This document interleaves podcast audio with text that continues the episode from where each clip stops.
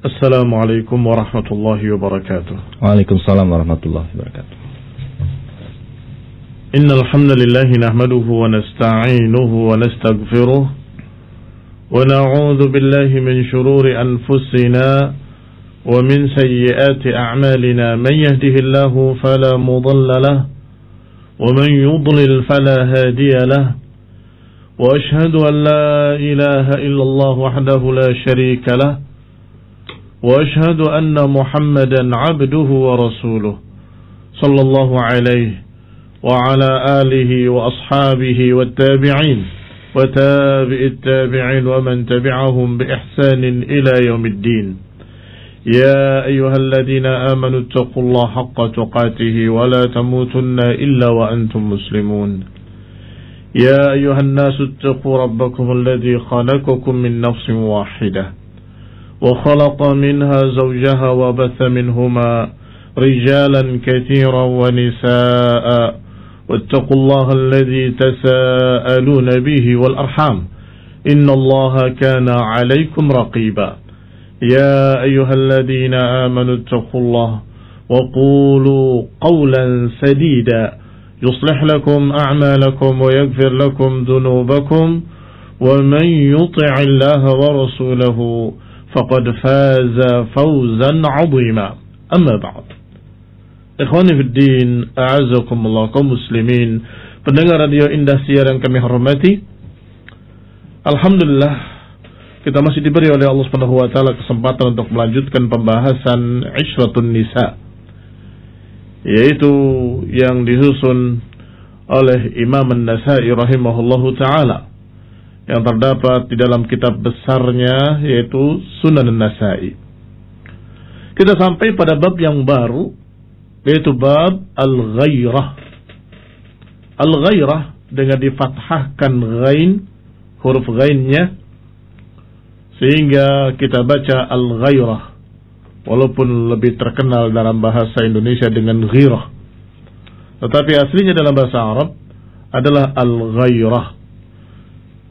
Al-Qadhi Iyad rahimahullah menyebutkan makna al-ghairah. Kata beliau hiya mushtaqatun min taghayyuril qalb.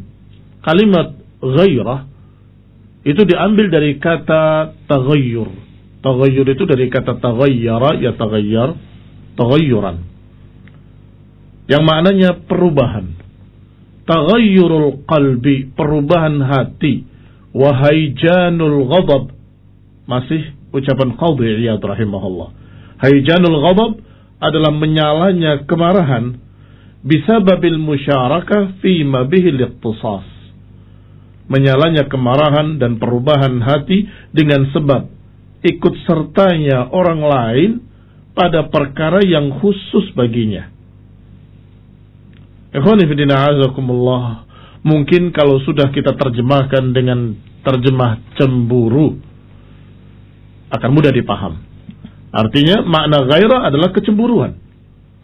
Seseorang yang marah ketika ada orang yang ikut dalam sesuatu yang sesungguhnya khusus baginya. Ini adalah kecemburuan. Barakallahu fiikum. Dalam bab ini dibawakan oleh Imam An-Nasai rahimahullahu taala hadisnya beliau berkata dengan sanadnya akhbarana Muhammad ibn al-Musanna qala haddatsana Khalid qala haddatsana Humaid قال حدثنا Anas radhiyallahu taala anhu. Beliau berkata, كان النبي صلى الله عليه وعلى آله وسلم عند إحدى أمهات المؤمنين bahwasanya Rasulullah Shallallahu Alaihi wa ala alihi Wasallam ketika itu berada di sisi salah seorang ummahatul mukminin, yakni salah seorang istrinya. Karena istri-istri Rasulullah SAW dijuluki dengan Ummul Mukminin. Kalau dijamakkan dalam bentuk jamaknya Ummahat Al-Mu'minin. Fa'arsalat ukhra. Ketika Rasulullah SAW berada di salah satunya, tiba-tiba yang lain datang. Biqas'atin fiha ta'am. Datang membawa piring berisi makanan. Maka ketika diberikan pada Rasulullah SAW di rumahnya, istri Nabi SAW Ummul Mukminin yang ada di rumah tersebut marah.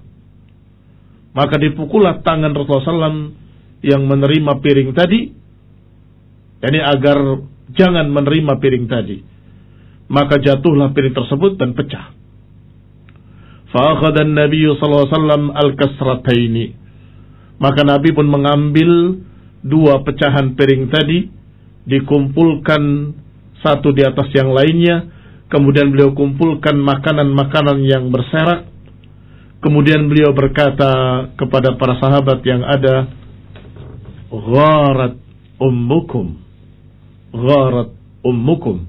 Kalimat gharat ummukum bermakna ibu kalian sedang cemburu. Ibu kalian sedang cemburu. Kata Nabi, makanlah. Fa'akalu, maka mereka pun makan. Diriwayatkan dalam riwayat lain, disebutkan oleh istri yang di rumah tersebut, aku kedatangan tamu atau Rasulullah SAW kedatangan tamu. Maka aku bikin makanan untuk tamuku tiba-tiba sudah didahului oleh si fulana. Maka aku marah. Aku pukul. Sesungguhnya bukan dipukul. Artinya dijauhkan tangan Nabi yang tadi akan menerima piring tadi. Sehingga piring tadi jatuh. Dan terpecah. Ikhwan ibn a'azakumullah faja'ala yajma' fiha ta'am. Maka Nabi pun mengumpulkan makanan tadi kembali dan kemudian ditawarkan kepada tamu-tamunya, gharat ummukum, kulu. Ibu kalian sedang cemburu, makanlah. Maka mereka pun makan dan Nabi masih memegang pecahan piring tadi. Hatta ja'at biqas'atiha allati fi baitiha. Hingga istrinya yang ada di rumah tersebut mengambil piring yang masih utuh dan diserahkannya kepada Rasulullah SAW, diserahkanlah kepada suaminya fadafa al-qas'ah as-sahihah diberikan piring yang masih utuh kepada Rasul wa tarakal maksura fi baitil fi baitil lati kasaratha. Kemudian yang pecah tadi tetap ditinggal di rumah tersebut. Ikhwani fillah azakumullah muslimin rahimani wa rahimakumullah. Disebutkan riwayatnya bahwa hadis ini disebutkan oleh Imam An-Nasai rahimahullah. Ada riwayat yang sahih. Demikian pula dibahas hadis ini dalam riwayat-riwayat yang lain atau dalam hadis-hadis yang lain yang juga semakna dengan ini. Maka inilah yang disebut dengan kecemburuan. Rasulullah Shallallahu Alaihi Wasallam hanya menyatakan dua kalimat. Warat ummukum, ibu kalian sedang cemburu. Itu kalimat bukan kalimat yang menunjukkan kalau saja oh, istrinya tadi berbuat sesuatu yang jelek atau jahat atau tidak. Tetapi Nabi memakluminya dengan menyatakan itu kecemburuan. Gharat ummukum. Sebagaimana disebutkan oleh Ibn al-Arabi rahimahullah. Abu Bakar Ibn al-Arabi menyatakan ka'annahu innama lam yu'addi bil kasirah. Nabi SAW hanya berkata ta'amun au ina'un ka ina'in. Bejana dengan bejana. Artinya bejana diganti dengan bejana yang sama. Piring diganti dengan piring yang sama. Kata Ibnu Arabi rahimahullah, "Kanahu innama lam yu'addi bil kasirah." Seakan-akan Rasulullah SAW tidak menyalahkan dan tidak memarahi istri yang memecahkan tadi. Bahkan walau bil kalam, bahkan tidak dengan ucapan sekalipun. Ucapan Rasulullah SAW hanya menyatakan pada tamu-tamunya agar jangan dikira kalau istrinya berbuat sesuatu yang tercela.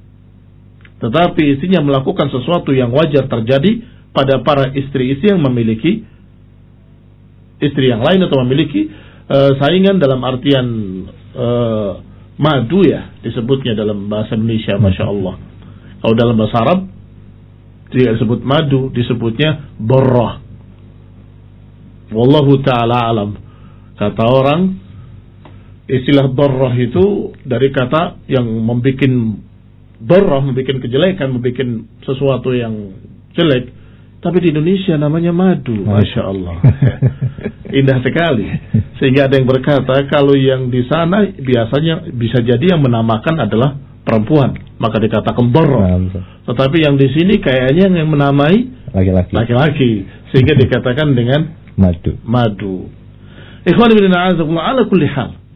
Kecemburuan wajar terjadi di dalam rumah tangga. Bahkan yang punya istri satu pun terjadi kecemburuan Bahkan kadang kecemburuan bukan dengan wanita lain, kecemburuan dengan tamunya. Istrinya di dalam bermuka masam. Mengapa? Pagi tamu, siang tamu, sore tamu, mana waktu untukku? Itu juga jenis kecemburuan.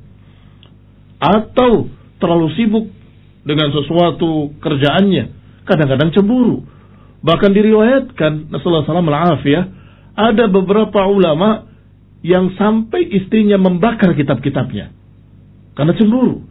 Karena melihat suaminya sibuk dengan kitab, kitab, kitab, kitab, maka dibakar kitabnya. Tentunya barakallahu fikum tidak boleh melampaui batas.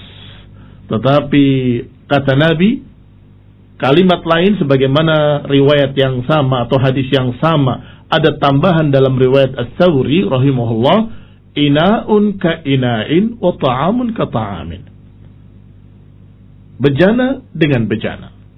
Artinya suruh diganti. Kamu cemburu wajar, tapi piringnya diganti. Maka beliau masuk radhiyallahu taala anha keluar lagi membawa piring yang masih utuh dan diberikan kepada madunya tadi. Sehingga piring yang pecah tetap di rumahnya sebagai gantinya.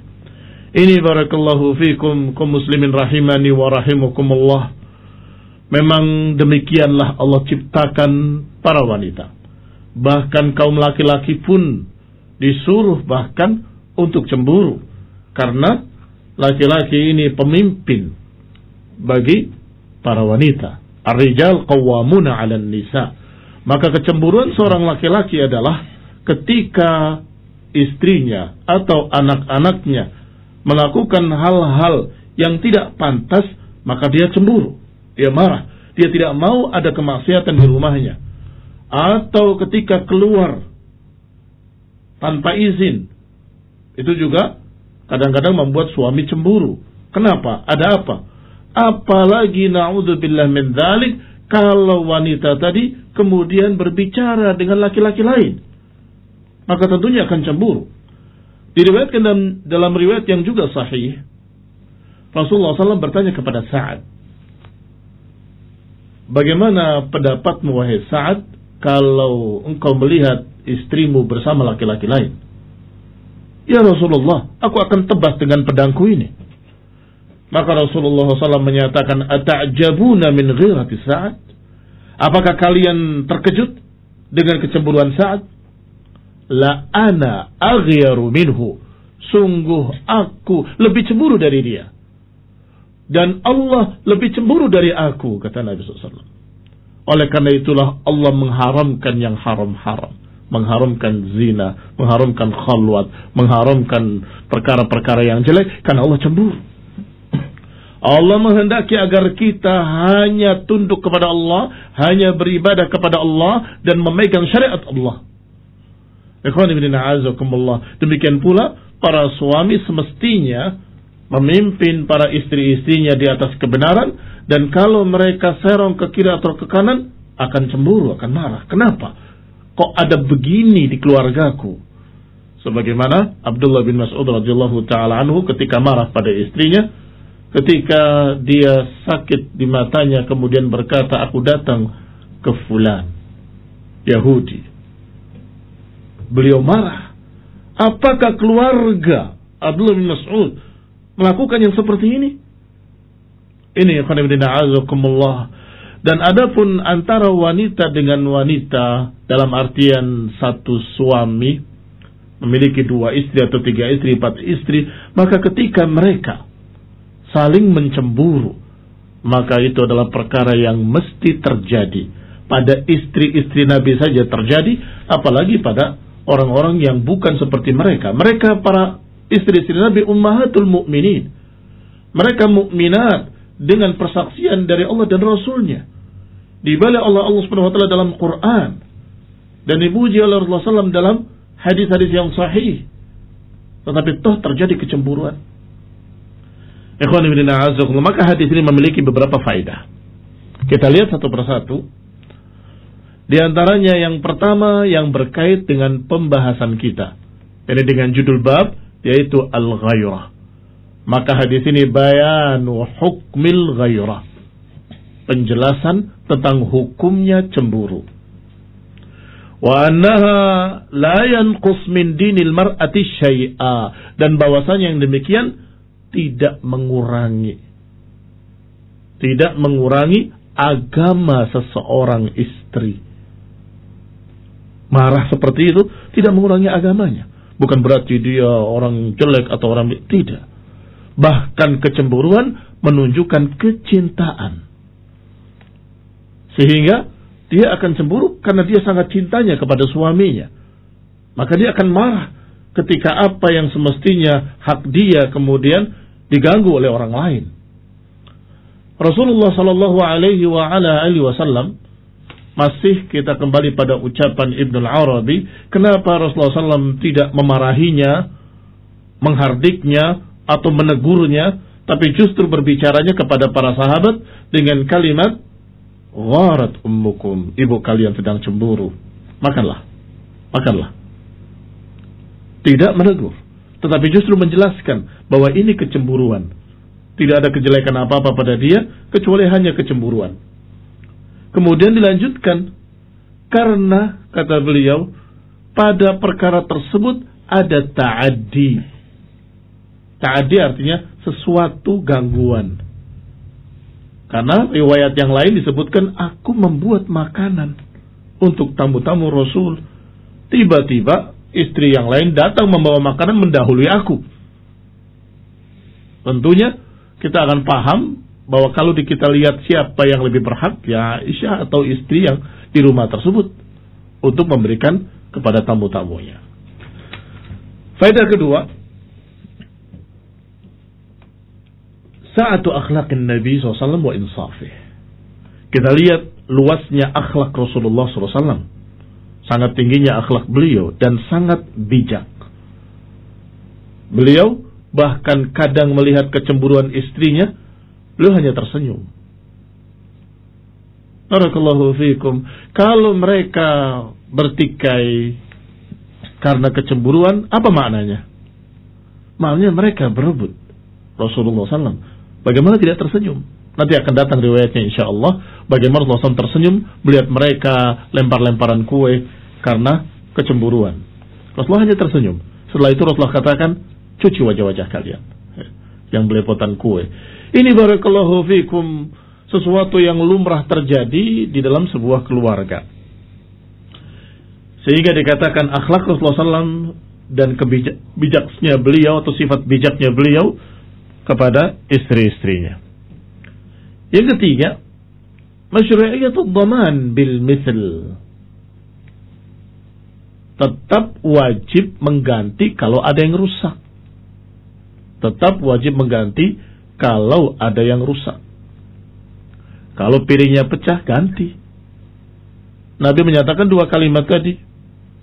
Yaitu kalimat Nam ina'un bi Atau ina'un ka ina'in wa ta'amun ka ta'amin.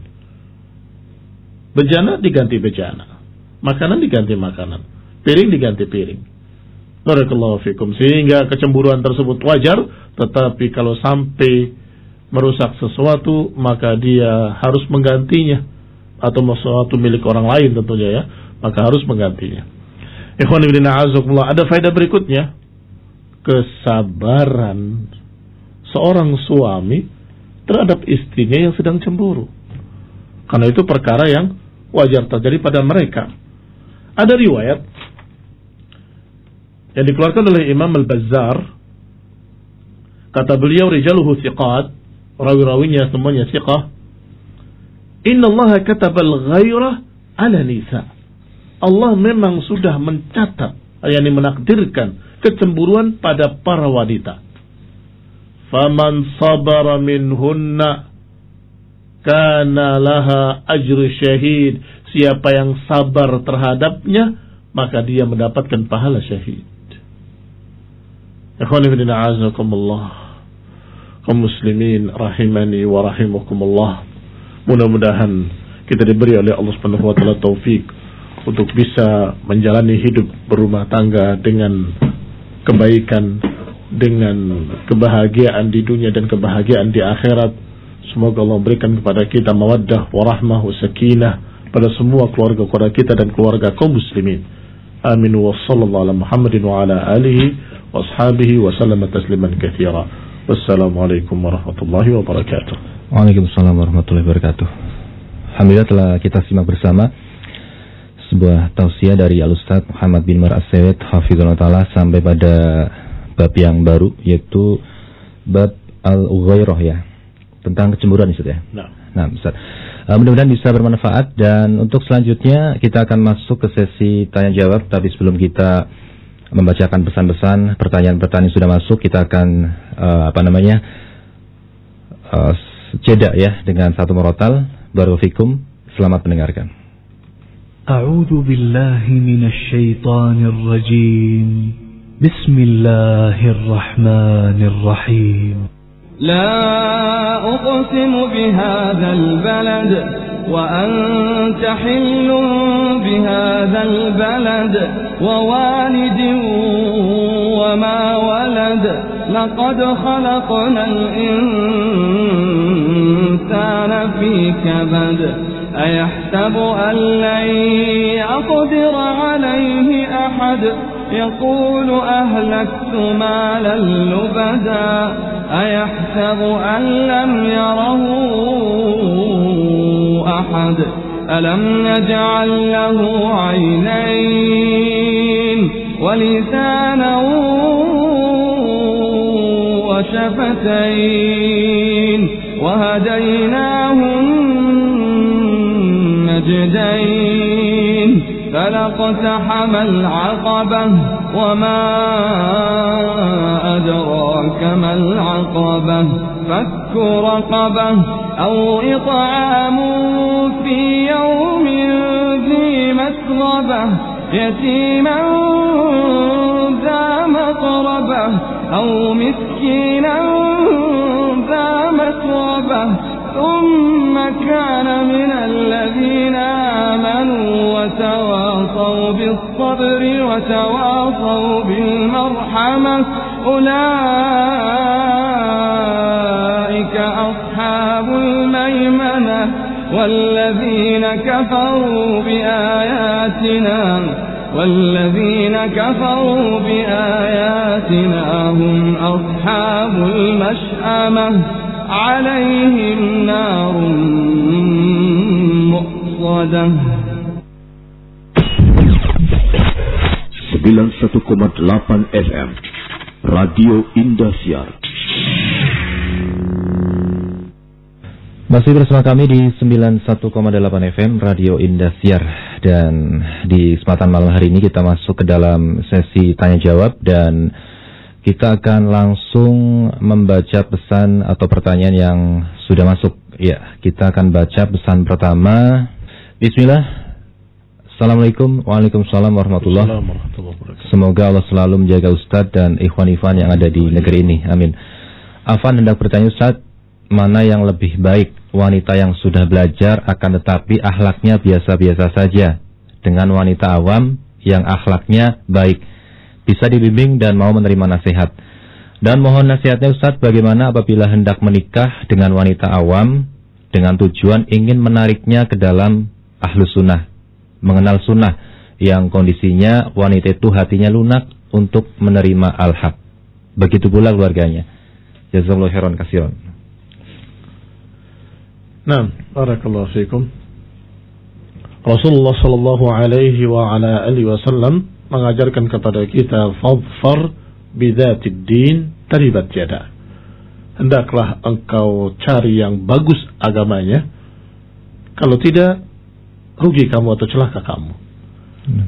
Sehingga jelas jawabannya dari Nabi Rasulullah SAW kita cari orang yang bagus agamanya. Sekarang kita bahas apa yang dimaksud dengan bagus agamanya. ternyata para ulama membedakan antara al-ilmu wa din. Jadi sering membedakan antara ilmu dan din.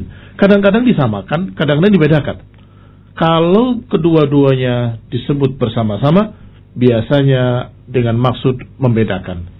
Dia memiliki ilmin wa din. Ilmu dan agama. Apa bedanya? Bedanya ilmu itu teorinya, agama itu prakteknya. Sehingga sering dikatakan seorang mutadayyin. Artinya orang itu perangainya, akhlaknya, ibadahnya dan segalanya mengikuti ilmu. Sehingga barakallahu fikum, kalau kita mencari seorang yang bagus agamanya bukan orang yang dalam artian secara ilmu dia hafal ini, hafal ini, hafal ini bukan itu saja tetapi sisi lainnya juga dilihat yaitu pengamalannya. Barakallahu fikum. Sehingga tinggal kita lihat pengamalannya. Kalau pengamalannya Masya Allah yang ini juga baik, yang itu juga baik. Tapi ini berilmu, ini tidak berilmu. Tentunya yang berilmu lebih baik. Mengapa? Karena mereka yang berbuat baik di atas ilmu akan kokoh di atas kebaikannya. Orang yang berbuat baik juga tapi tidak di atas ilmu akan mudah goyah hanya karena satu syubhat atau hanya karena satu godaan-godaan. Yang ini lebih kokoh karena di atas ilmu. Yang ini tidak kokoh karena mungkin dia hanya ikut-ikutan atau mungkin itu hanya perasaannya saja atau hanya yang lain tidak ala ilmin sehingga berupaya untuk mencari orang yang data ilmin wadin Pemilik agama memiliki ilmu. Artinya memiliki ilmu dan pengamalan yang baik. Ilmunya itu terlihat dalam akhlaknya, dalam tutur katanya, dalam sikapnya, dalam pakaiannya. Barakallahu fikum. Kalau engkau ingin menikahi orang awam karena ingin mendakwahi, menarik, tidak ada larangan. Kalau engkau melihat orang ini bisa untuk diajak. Tetapi saya ingatkan bahwa itu akan beresiko buat kamu. Kalau berhasil, wabihi wa ni'mah. Kalau tidak berhasil, padahal itu sudah kadung menjadi ibu dari anak-anakmu. Ternyata dia menyatakan, apa sih ini semua susah, ini gak boleh, itu gak boleh. Enak kemarin ketika saya belum menikah dengan kamu. Itu akan susah. Mau diceraikan, sudah ada anak-anakmu di sana. Mau kamu pegang dalam keadaan tetap seperti itu. Ini berat. Itu kalau gagal. Mudah-mudahan berhasil. Sehingga tinggal pilih mau yang beresiko atau mau yang sudah jelas begitu. Ya, Sehingga Rasulullah SAW berulang atau menyatakan dengan kalimat fadfar bidatid din taribat jada. Carilah yang bagus agamanya. Allah taala alam. Nah, Ustaz. Pertanyaan selanjutnya Bismillah Afan Ustaz, apakah tidak boleh ada orang lain walaupun itu anak kita yang masih bayi di dalam kamar jika kita hendak mendatangi istri. Apa boleh masih satu kamar cuman ditutupi dengan kain pembatas agar tidak terlihat bayi kita? Karena kalau pindah kamar anak kita pasti menangis. Umur 10 bulan anaknya. Jazakumullah khair. Nah, sebaiknya memang demikian. Bahkan para ulama sampai menyatakan binatang pun dikeluarkan. Ada kucing atau ada apa, nah. dikeluarkan dari kamar.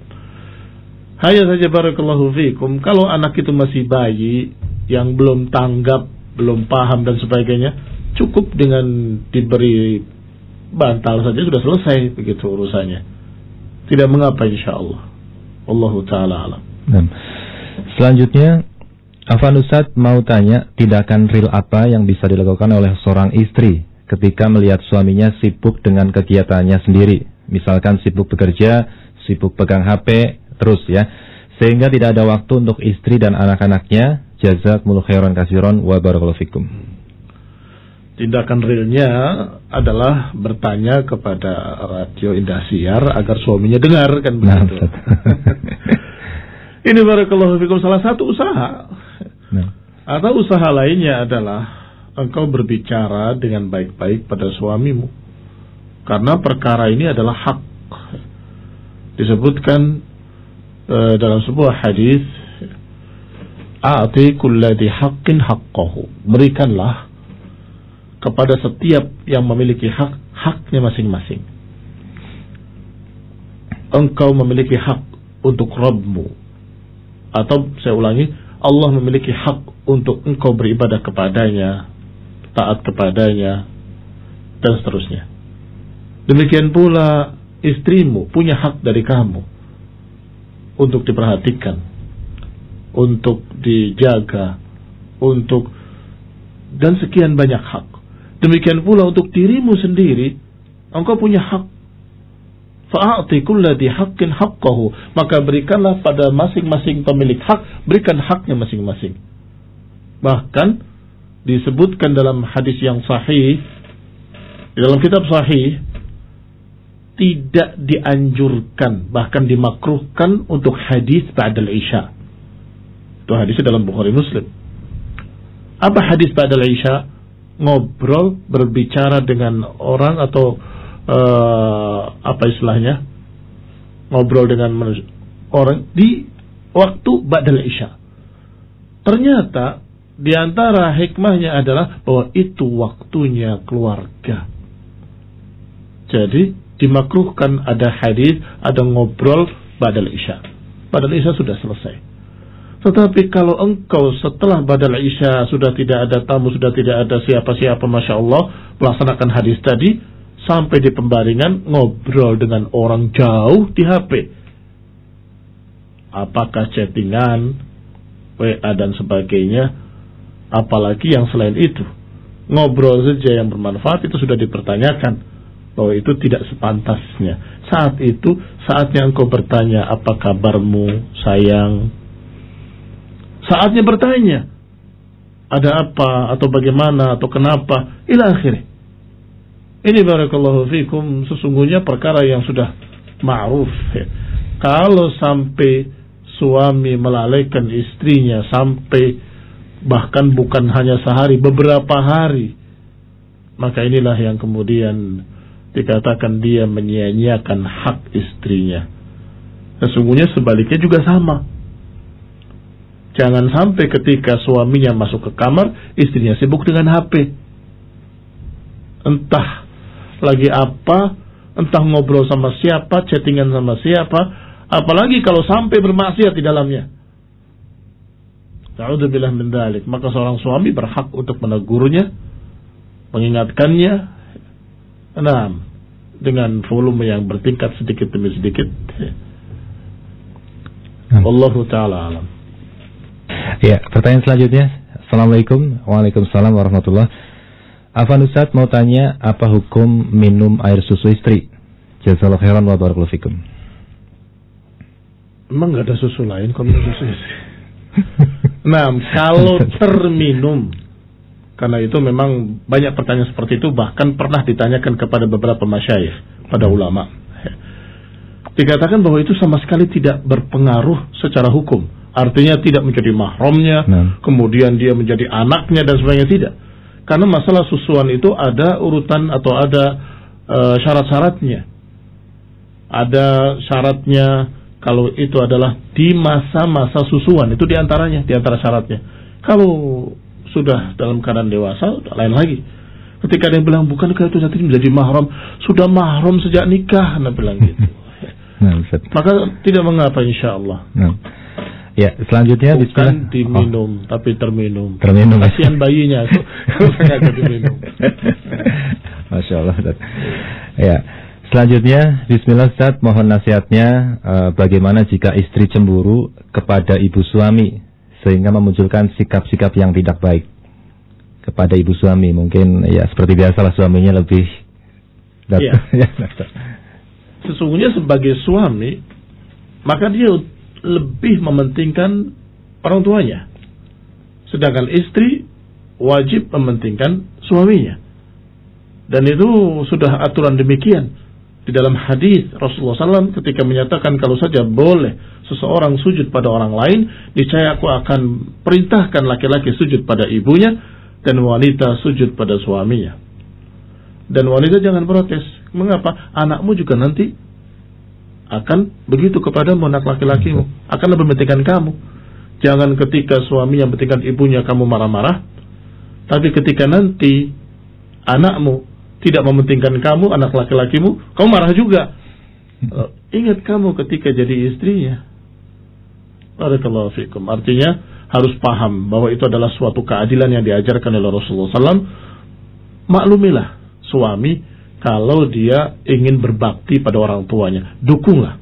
Kalau engkau mendukung suamimu untuk berbakti pada orang tuanya, niscaya engkau akan mendapatkan kebahagiaan, akan mendapatkan ketentraman, dan akan mendapatkan masya Allah cinta dari suamimu.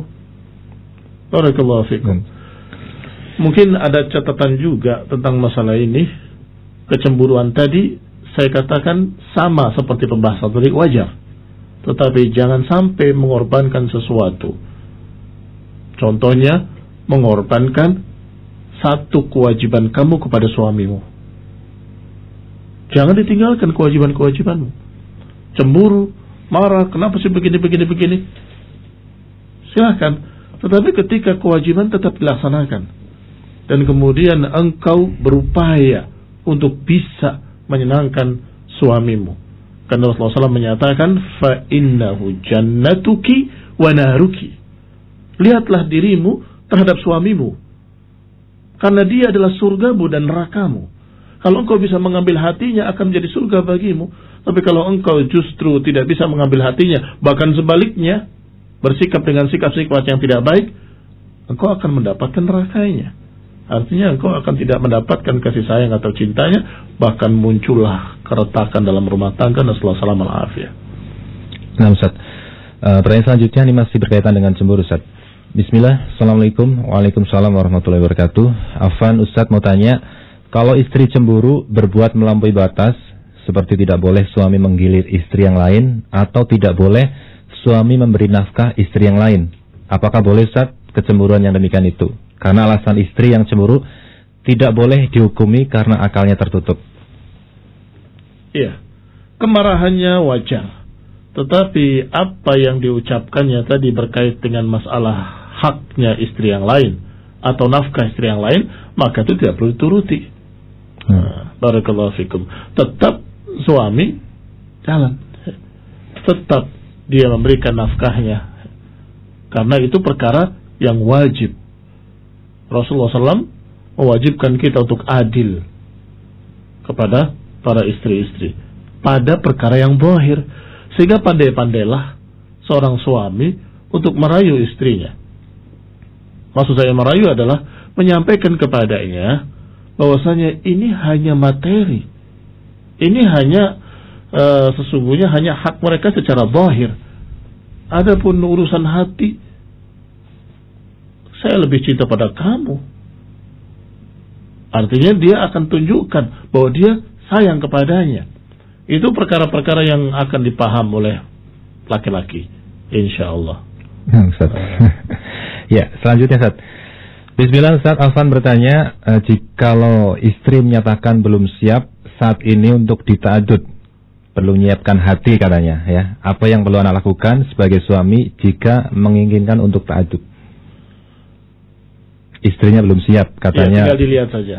Ya, masing-masing suami bisa mengenali istrinya. Nah. Apalagi yang sudah satu tahun, dua tahun, tiga tahun, pasti tahulah ini sudah siap atau belum begitu. Dididik, disampaikan ilmu, diajarkan dan sebagainya sampai dia merasa bahwa istriku sudah paham atau sudah siap begitu. Jangan sampai kita melakukan hal-hal yang ternyata bukan jadi kebaikan tetapi malah kejelekan. Ini sangat disayangkan. Barakallahu fikum. Kecuali kalau engkau memang sudah melihat padanya sesuatu yang memang harus ditaadud. Kok bisa? Ada seseorang wanita yang harus ditaadud? Ada. Ada. Ya. Ketika dia demikian-demikian, ternyata obatnya adalah taadud begitu. Ada. Yang, ada. yang kata beberapa orang disebut dengan akhir dawa al-kai obat terakhir itu adalah kai. Kai itu besi panas. Besi panas. Itu obat terakhir. Dikasih obat ini nggak sembuh, obat ini nggak sembuh, obat ini nggak sembuh, saya nikah lagi. Mau dia sabar, alhamdulillah, nggak sabar karena sudah pol hmm. nasihatnya. Hmm. Sehingga mau pergi pergilah, ya, silahkan. Ini kadang-kadang malah sembuh begitu. Sudah Nah, terjadi yang seperti itu. Masya Allah. Masya Allah. Ah. Ya. Eh, selanjutnya pertanyaan terakhir Ustaz. Assalamualaikum warahmatullahi wabarakatuh Ustaz. Waalaikumsalam warahmatullahi wabarakatuh. Apakah boleh seorang istri melakukan onani kepada suaminya karena istrinya sedang nifas? Syukron, jazakallahu khairan. Nah, disebutkan perkara suami istri itu dengan istilah tamattu atau mut'ah. Maka semua jenis mut'ah mut- bukan mut'ahnya Syiah ya. Nah. Uh, mut'ah dengan dalam artian bernikmat-nikmat dengan istri itu semuanya boleh. Sehingga pertanyaan-pertanyaan yang begini-begini ini mudah-mudahan tidak terulang lagi dengan yang macam-macam yang aneh-aneh. Nah. Pokoknya semua bernikmat-nikmat suami dengan istri, istri dengan suami tidak mengapa kecuali jima dari dubur dan jima ketika haid. Se- Selebihnya silahkan. Nisa hukum harsul lakum. Nah, Nah. Boleh berarti saya. Boleh ya. Perlu diulangi lagi. Memperjelas Ustaz. Iya. Baik Ustaz. Alhamdulillah uh, jazakallahu khairan Ustaz atas nasihat-nasihatnya dan juga jawaban-jawaban dari pertanyaan yang disampaikan oleh pendengar semuanya. Mudah-mudahan bisa memberikan manfaat dan bisa memberikan jalan keluar dari setiap pertanyaan-pertanyaan yang dilontarkan oleh pendengar semuanya. Barakallahu fikum. Uh, Alhamdulillah ya mudah-mudahan bisa memberikan manfaat kajian di kesempatan malam hari ini untuk pendengar semuanya dan insya Allah kita akan berjumpa lagi pekan depan pada waktu dan gelombang yang sama Subhanakallahumma wa bihamdika asyhadu an la ilaha illa anta astaghfiruka wa atubu ilaik. Wassalamualaikum warahmatullahi wabarakatuh.